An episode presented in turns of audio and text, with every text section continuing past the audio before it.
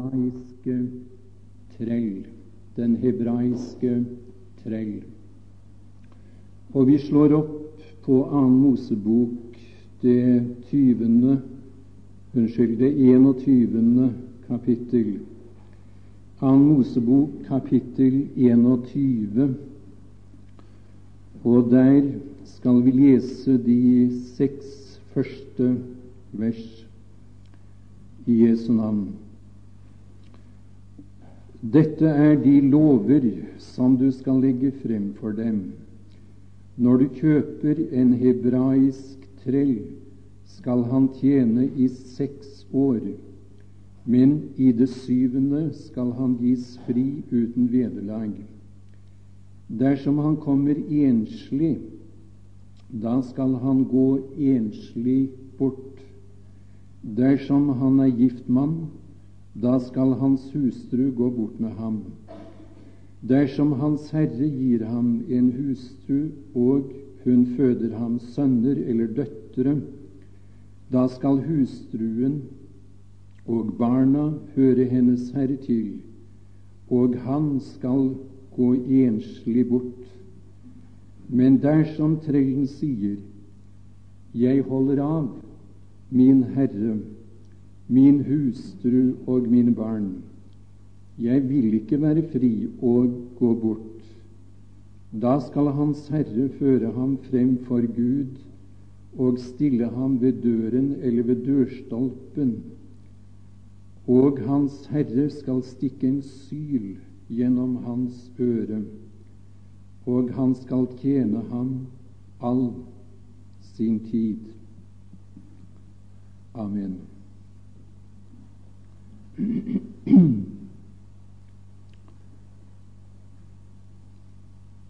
De versene som vi her har lest fra 2. Mosebok, det 21. kapittel, de er en del av Moseloven,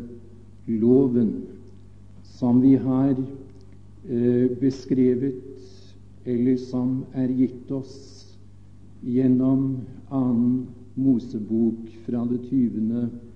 kapittel.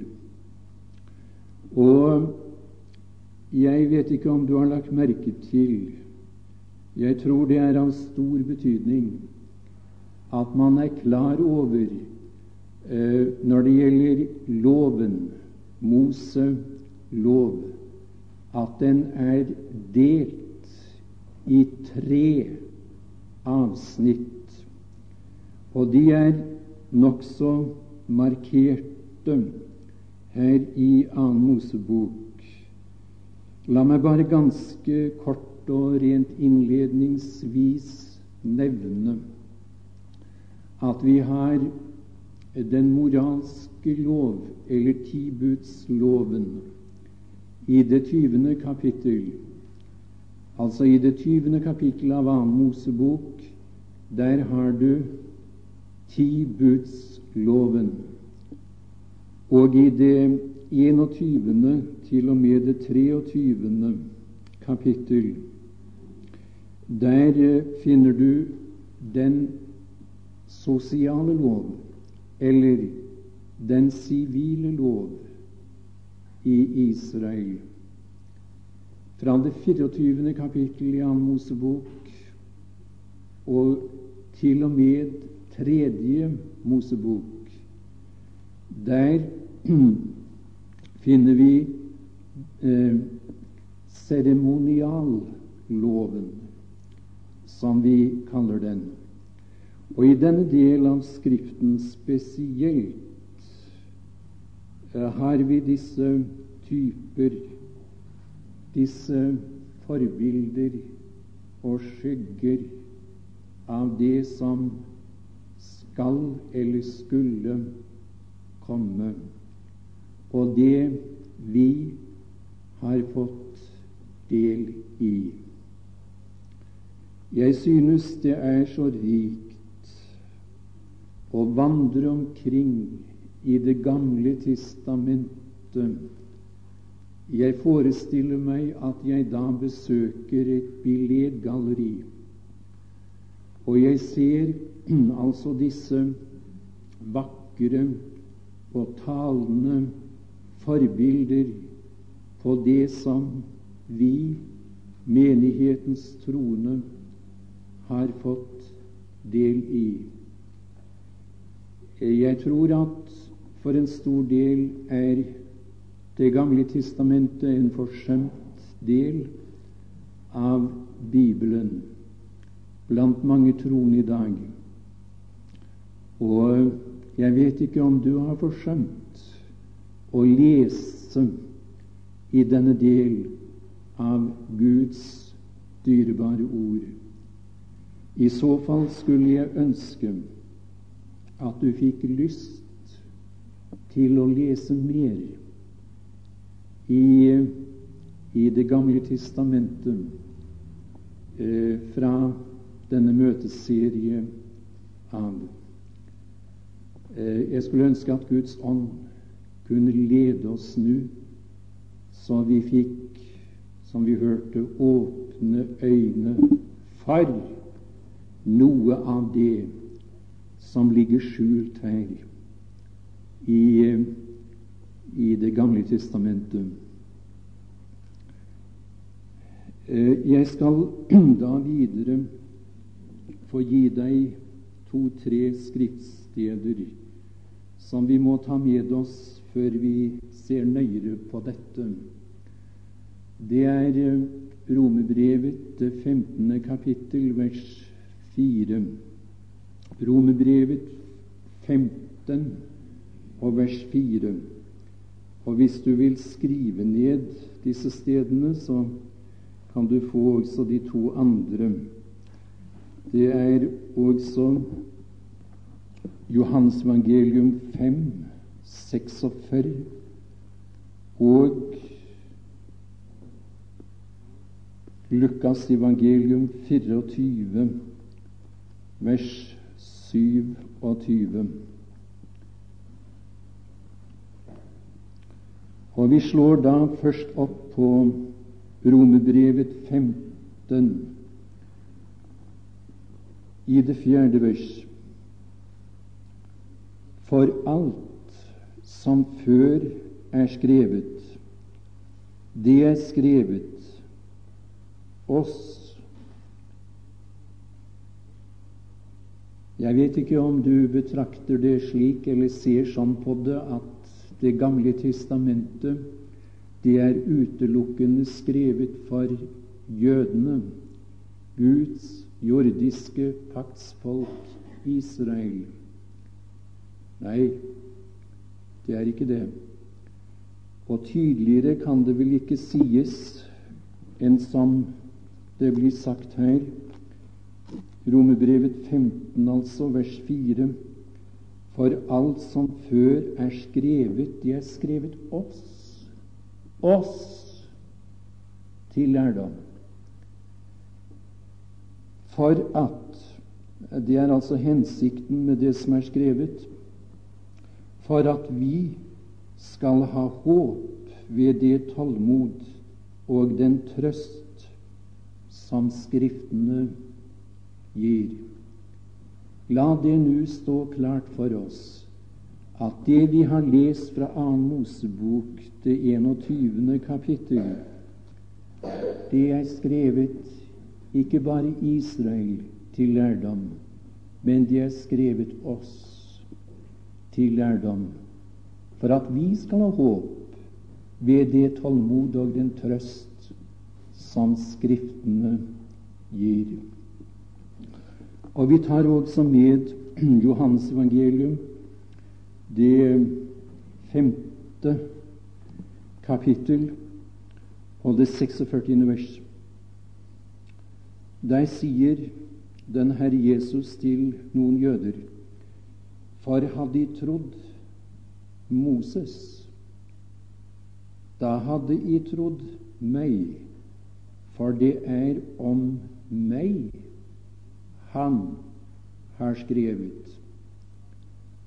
Ja, det er rene ord for pengene, som vi sier. Det er om meg sa Kristus til disse jøder, Moses har skrevet. Og så til Lukas evangelium, det 24. kapittel. Lukas 24, og der i det 27. vers. Det er jo disse to som er på vei til Emmaus, som opplever det vi her leser. Plutselig så oppdager de en person som har slått følge med dem der på veien.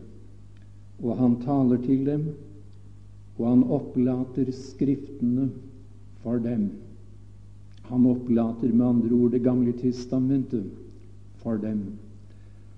Og her i det 27. vers heter det Og han begynte fra Moses og fra alle profetene og utla for dem i alle Vil du streke under det i din bibel? Han utla for dem i alle skriftene det som er skrevet om ham. Ja, det er ham det dreier seg om, mine tilhørere. Og jeg er mer klar over det enn noensinne før at det er en person det dreier seg om fra først til sist i denne boken. Vi synger i en sang 'La meg få se ditt ansikt, kjære Jesus'. Ja, se meg glad på all din herlighet. Måtte det være vår bønn, vårt ønske i aften, at vi kunne få se Hans ansikt og se oss glad gjennom Hans herlighet. Og så vil jeg da streke tydelig under at den hebraiske trell, og det er det som skal oppta våre tanker i aften, er et av de vakreste og mest talende forbilder på Kristus som vi har i Det gamle testamentet. Det er mulig at du har lest denne beretningen uten å ha tenkt vesentlig over hva som skjuler seg egentlig i den. Nå skal vi se litt på det. Den hebraiske trell er et av de vakreste og mest talende forbilder på vår dyrebare frelser, den Herre Jesus. Og det er ikke tatt ut av luften det jeg her sier. Jeg har dekning for dem i Guds ord. Vi kan bare sammenligne det sjette vers som vi her leste fra Amos 21, med Salme 40, Salme 40 og det syvende vers. Vi leser først det 21. Eh, kapittel og vers 6 i Jan Mosebok igjen. Jeg skal ikke til det, jeg skal ikke berøre det så meget nå. Vi skal komme tilbake til det etter hvert. Men der står Da skal Hans Herre føre ham, altså trellen, frem for Gud og stille ham ved døren eller ved dørstolpen, og Hans Herre skal stikke en syl gjennom hans øre. Og i Salme 40 vers 7 sier Kristus Det er Han som taler her. Det kan ikke være tvil om. Du kan bare du kan bare se hvorledes dette korresponderer med Hebrebrevets tiende kapittel. Og jeg tror det vil ikke være plass for tvil. Det er Han den Herre Jesus som har ordet her.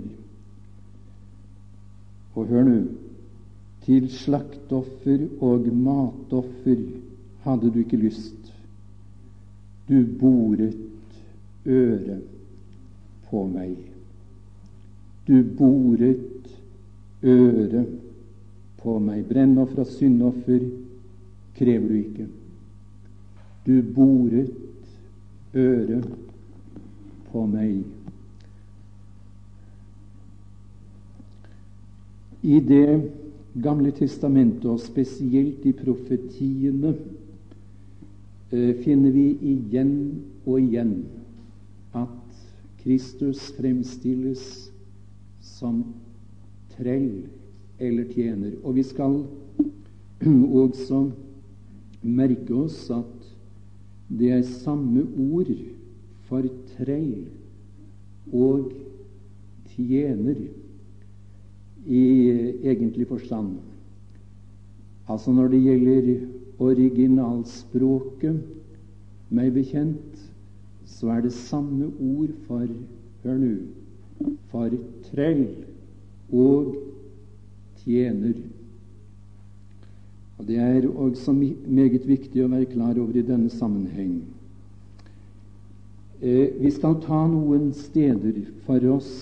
Vi skal i hvert fall lese dem. Og jeg kan naturligvis ikke her trekke frem alle de stedene i Det gamle testamentet som taler om dette. Men la oss gå til Sakarias' bok, altså profeten Sakarias, i det tredje kapittel og det åttende vers. Der heter det Hør nu, Josva, du ypperste prest, du og dine venner som sitter her fremfor deg, foran deg.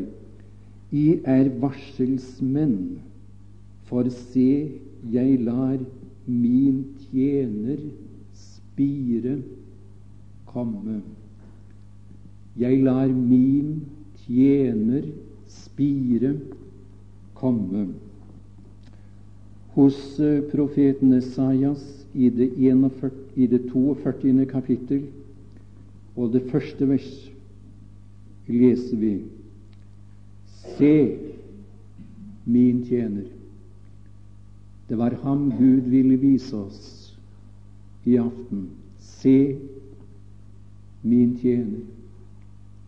Der har du trellen. Der har du den hebraiske trell, Kristus. Se, min tjener.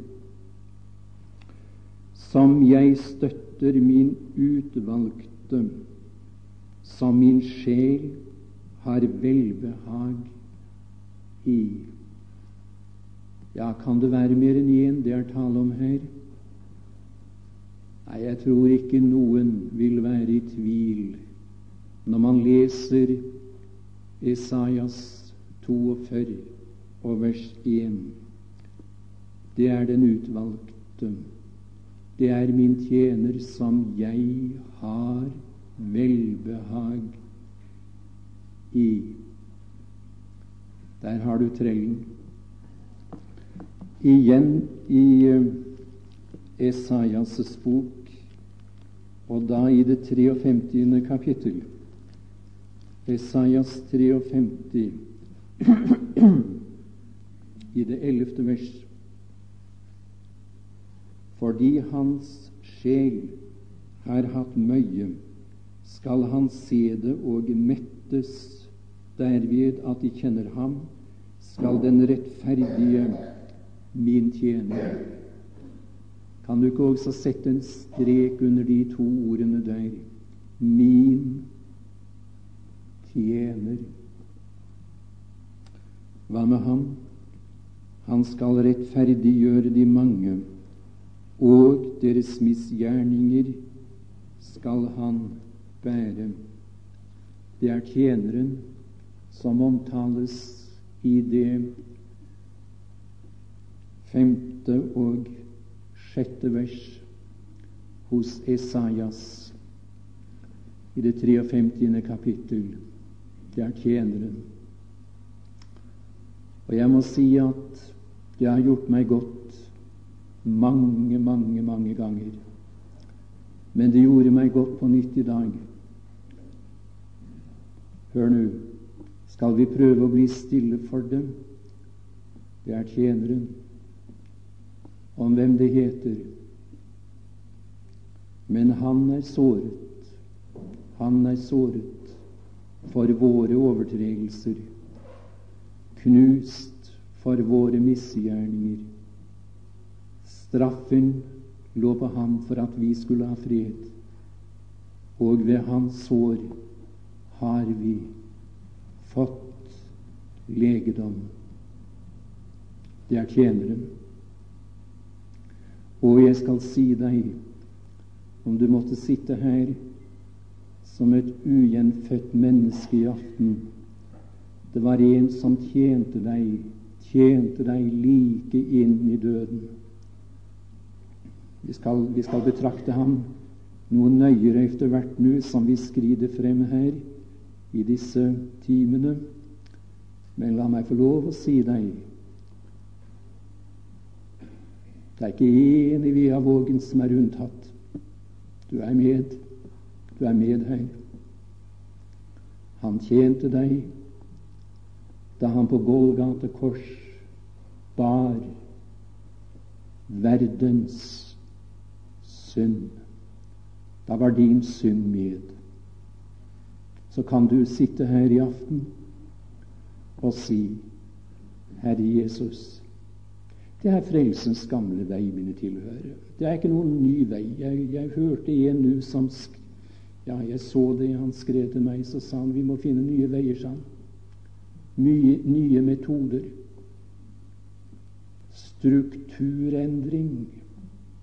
Det er ikke det som er på tale i dag. Jeg kjenner bare én vei. Bare én vei mine tilhører. Og her er veien. Men han, trellen, tjeneren, han er såret for våre. Så kan du sitte her på benken i aften. Jeg vet jo ikke, jeg kjenner jo ikke riktig alle her. Det kan jo være at det sitter noen her, og jeg, jeg har sagt til Gud jeg skal regne med det når jeg taler Guds ord i denne tid, at der er noen. Der er noen som trenger å få høre det klare, enkle, elementære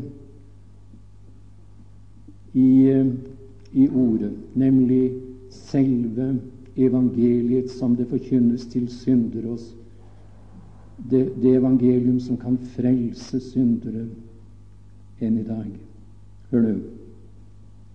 Du kan sitte her og si Så kan du gå hjem og glede deg. Han er såret for mine. Ikke våre. Jo da, våre. Det står sånn. Men du kan si mine. Han er såret for mine overtredelser. Han er knust for mine misgjerninger. Straffen som jeg hadde fortjent, lå på ham. Hvorfor det? For at jeg skulle ha fred.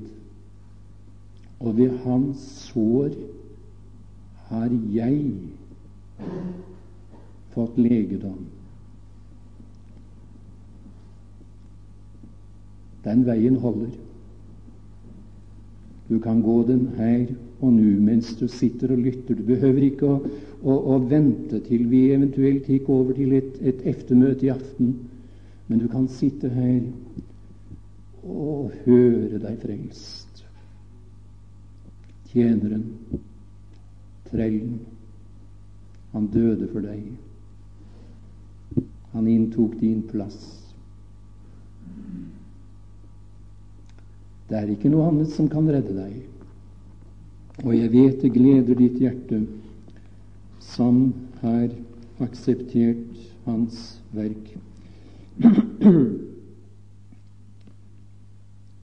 Også i Det nye testamentet finner vi tjeneren eller trellen. Vi har en hel bok i Det nye testamentet som omtaler Kristus som trell eller tjener. En hel bok. Hvilken bok er det? Hva? Ja, det, det, skulle enhver av oss som troende her i aften, i hvert fall vi som har levet med Herren en tid, kunne svare på. Tenk deg litt om. Hvilken bok er det som fremstiller Kristus som trell, som tjener? Jo, jeg skal si det. Det er Markus evangelium. Markus evangelium. Og kanskje jeg da i denne sammenheng kunne få nevne at de fire evangelier fremstiller den Herre Jesus fra fire forskjellige synspunkter, eller synsvinkler, om du vil. Eh, vi har i Matteus evangelium kongen. Kongen.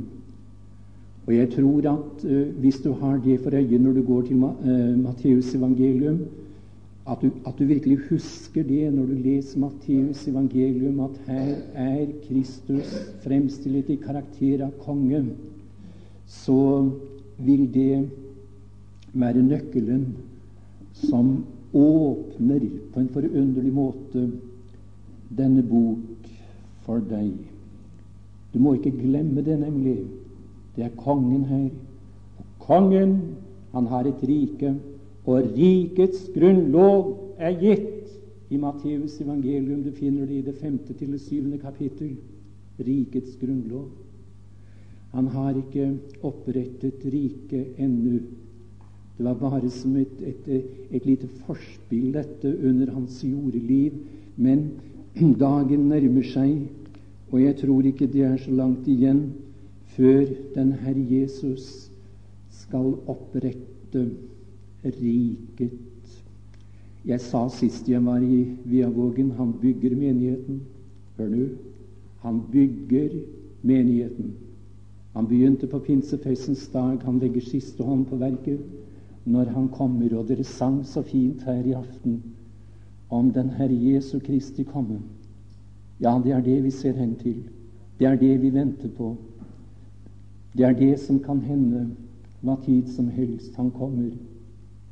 Men inntil det øyeblikk så er han i ferd med Han er opptatt av dette å bygge menigheten. Han legger sten til sten til denne eh, vakre bygning som han en dag skal komme for å vise frem. Men hør nå han bygger ikke riket. Han oppretter riket bygger menigheten. Ta med deg det. Han har holdt på snart i 2000 år nå, og meget tyder på, meget taler for, at toppstenen blir lagt på med det aller første. Og så henter han denne bygning opp. Men når han kommer offisielt til denne verden, da kommer han for å bygge for å opprette, opprette riket. Og jeg kan ikke si at dette vil skje suksessivt. Jeg tror at når han kommer i karakter av konge, da vil han øyeblikkelig opprette fredsriket. Da skal han være konge.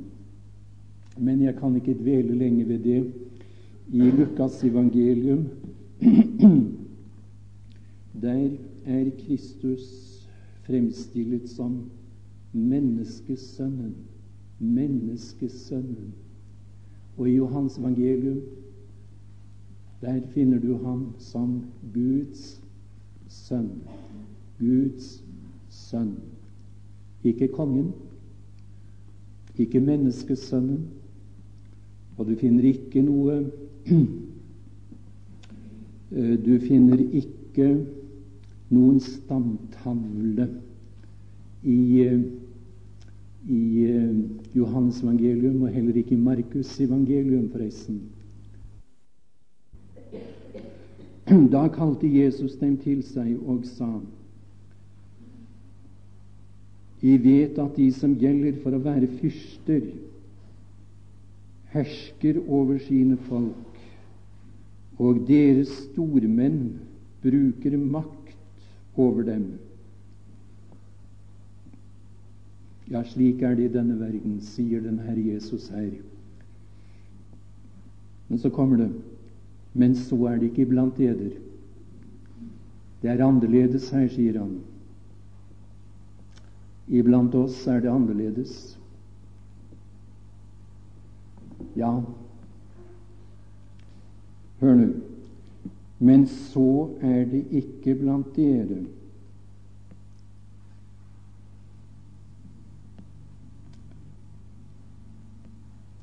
Den som vil bli stor blant eder, han skal være eders tjener. Ja, slik er, er det iblant de troende, blant dem som hører Herren til.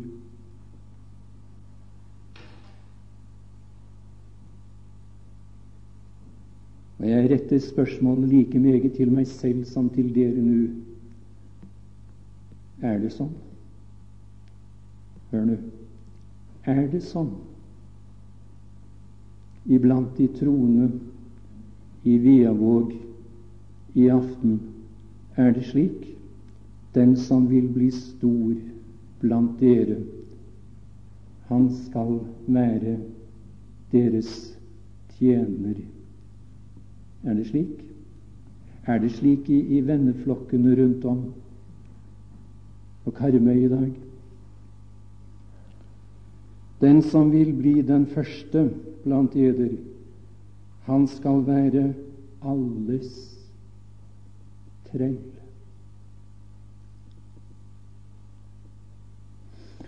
Jeg kom til å tenke på det i ettermiddag da jeg forberedte meg til møtet. En stor gudsmann, og dere, noen av dere, kjente ham. Han døde i høy alder, jeg nevner ikke hans navn, men uh, i begravelsen ble det sagt noe som jeg syns var så fint. Det, det ble uttrykt på denne måte om ham som gikk bort. Han var stor nok til å være liten. Han var stor nok til å være liten. Jeg skal si deg hvor vi lærer det. Det lærer vi i samfunn med ham, trellen, den hebraiske trell Kristus. Det var han som kom. Hør nå. Og de som vil bli den første, og den som vil bli den første blant eder, han skal være alles trell. For menneskesønnen er heller ikke kommet for å la seg tjene, men for selv å tjene og gi sitt liv til en løsepenge for mange. Vi blir så små hos Jesus. Det ville han vi skal bli. Ja, venner, den dagen vi føler oss store som troende, og for ikke å snakke som Herrens tjenere, den dagen tror jeg vi er ubrukelige. Vi er så små der. Stor nok til å være liten. Det er der man trenger nåde. Å ja, han, han, han vil så gjerne holde oss der. Der hvor vi trenger nåde. Jeg tenkte jeg skulle uh, nevne litt mer om dette, men tiden går så hurtig. Så jeg tror vi får se litt på det, det annet vers i Anmos bok. Anmos bok 21, som vi leste fra, og det annet vers. Når du kjøper en hebraisk trell, skal han tjene hvor lenge? Hvor lenge skulle trellen tjene? Jo, han skulle tjene i sin Herres hus i seks år. I seks år. Ikke i fem år, heller ikke i syv år, men i seks år. Og jeg tror at alt som er skrevet i denne boken, det er Guds ord.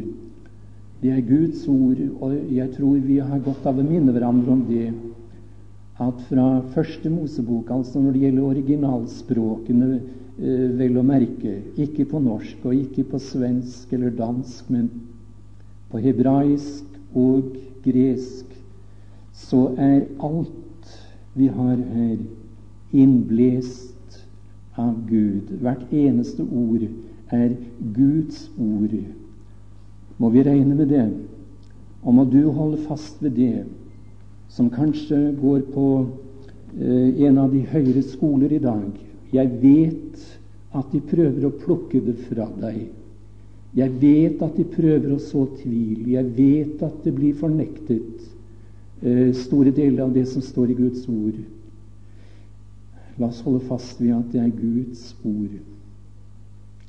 Og på bakgrunn av det så er det klart at intet, absolutt ikke noe, er sagt på slump eller, eller eh, på måfå, om du vil.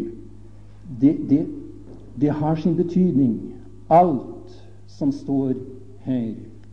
Og da tror jeg at det har sin betydning når vi leser om dette Eh, fine forbildet her i Amos bok, det 21. kapittel. Og vi hører her om den hebraiske trell at han skulle tjene i seks år.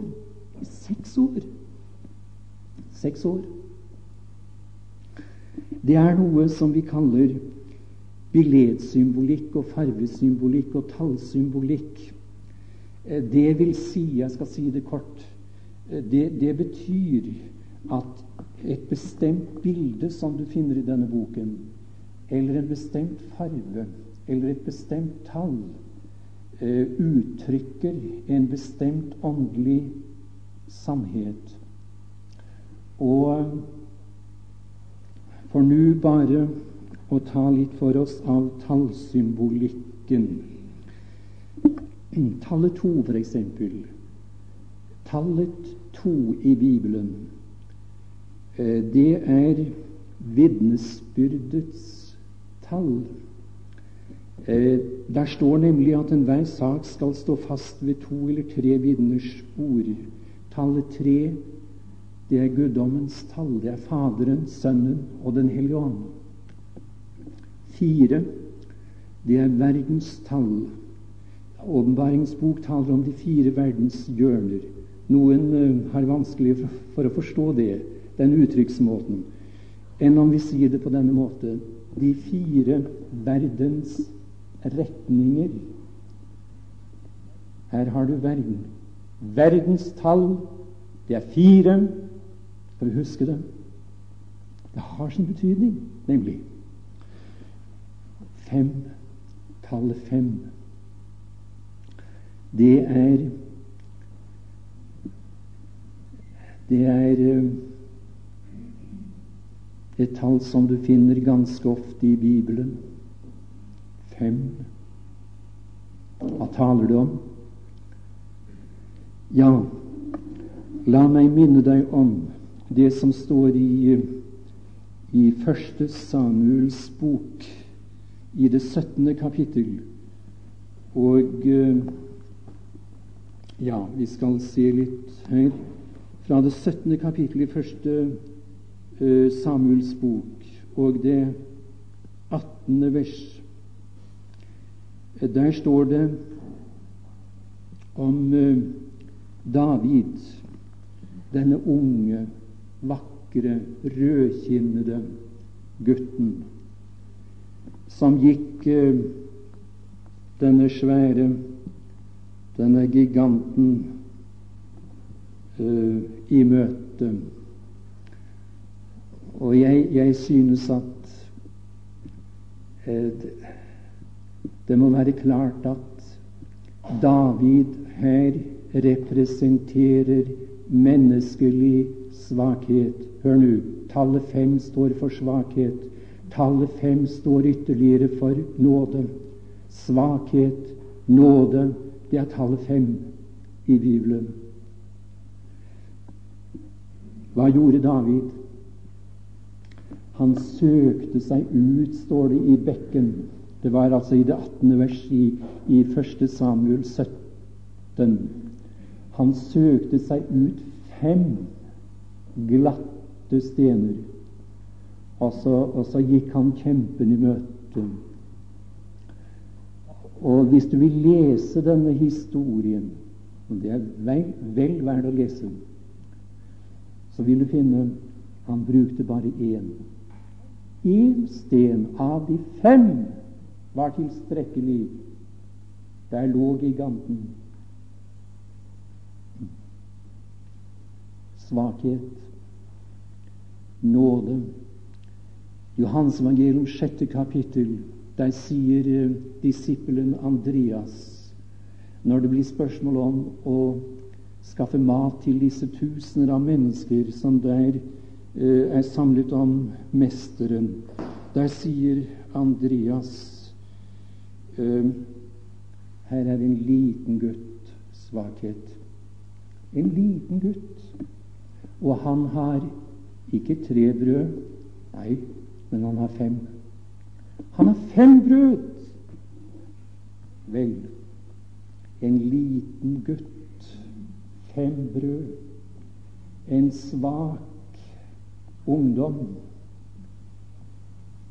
fem glatte stener. Ble det nok? Hør nå. Ble det nok? Jeg skal si deg, det ble, det, det, det, ble mer enn nok. Det ble mer enn nok. Han, han, fikk bruk for, jeg gjentar, bare den ene stenen. Da, da disse fem brød ble lagt i denne velsignede persons hender, så ble det mer enn nok. Samle sammen de tolv kurver med stykker, sa den Herre Jesus da de hadde spist og blitt mette. Hør nå. Denne, denne, denne, store gudsmannen, apostelen Paulus, Herrens apostel, han sier i 2. Korinterbrevs eh, 12. kapittel og 10. vers Når jeg er skrøpelig, da er jeg sterk. Når jeg er skrøpelig, da er jeg sterk. Det er fem, det. Tallet fem. Vi kunne utvikle det mer, hvilket vi nå ikke har tid til. Men tallet seks Hva er det for et tall? Ja, hvis du vil notere det, så kan du gjerne skrive tallet seks er menneskets tall. Menneskets tall. Og jeg nevner nå at mennesket ble skapt på den sjette dag. Mennesket Det kan du se i Første Mosebok, det første kapittel. Mennesket ble skapt på den sjette dag.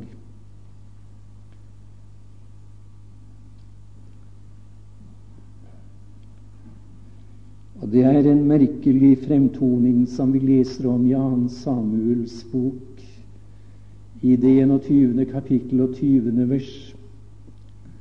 2. Samuels bok 21, vers 20. Det er mannen fra Gat. Og om ham uh, står det altså 2. Samuel 21 og 20.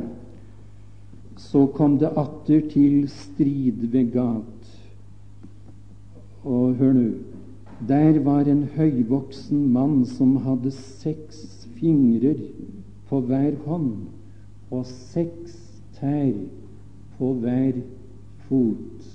Har du lest om ham? Merkelig. Et merkelig monstrum av et menneske. Seks fingre på hver hånd. Seks tær på hver fot. Mannen fra Gat. Han var en fiende av Gud og av Guds folk. Og mennesket bærer i seg en fiendsk natur. Den får vi bære så lenge vi er her.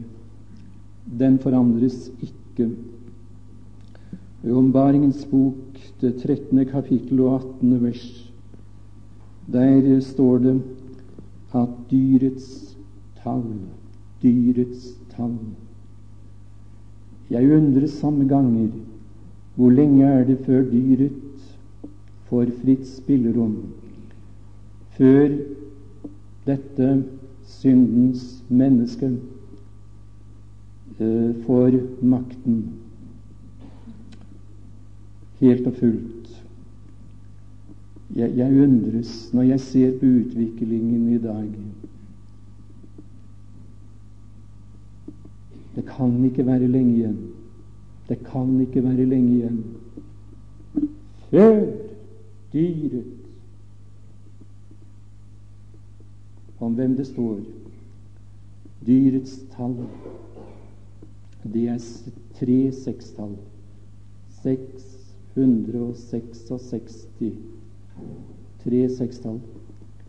Snart kommer den person som skal avsløre hva som virkelig bor i mennesket. Han skal få for en tid fritt spillerom, så langt vi kan forstå sekstallet, menneskets tall. Før Han kommer, så må du bli frelst. Hvis du ikke har opplevd det før, så vil jeg si deg du må bli det før syndens menneske åpenbares i denne verden. For når han trer frem på arenaen når han får makten, da er de frelste forsvunnet fra den jordskueplass. Da er vi rykket hjem. Da har det hendt, det som vi sang om her. Han er kommet. Han har hentet sine hjem, den Herre Jesus. Og derfor, jeg vil si det enda en gang, du, du, du må bli frelst før syndens menneske står frem. Og du kan bli frelst her og nå. Gud være takk. Er du svak? Er du skrøpelig? Erkjenner du at du er en synder? Og hør nå, der strømmer nåde ut fra Golgata kors i aften. Og det det er nåde nok for tid og for evighet. Du kan bli frelst. Ja, vår Gud, vi har prøvd å se litt på hva din bok sier om din elskelige sønn. Og jeg takker deg for hva denne personen har betydd for meg i mitt liv. Og jeg takker deg at jeg elsker ham mer i dag enn jeg gjorde for år tilbake.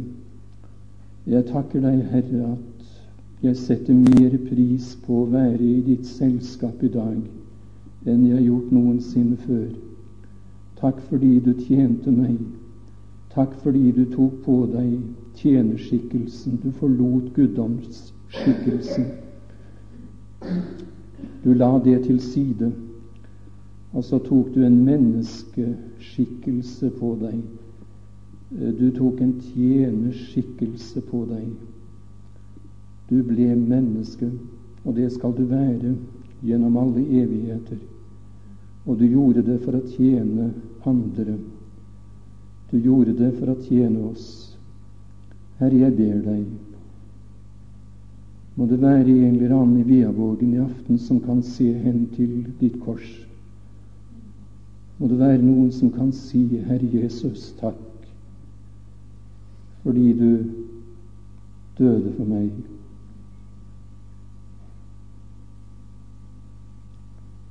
Amen.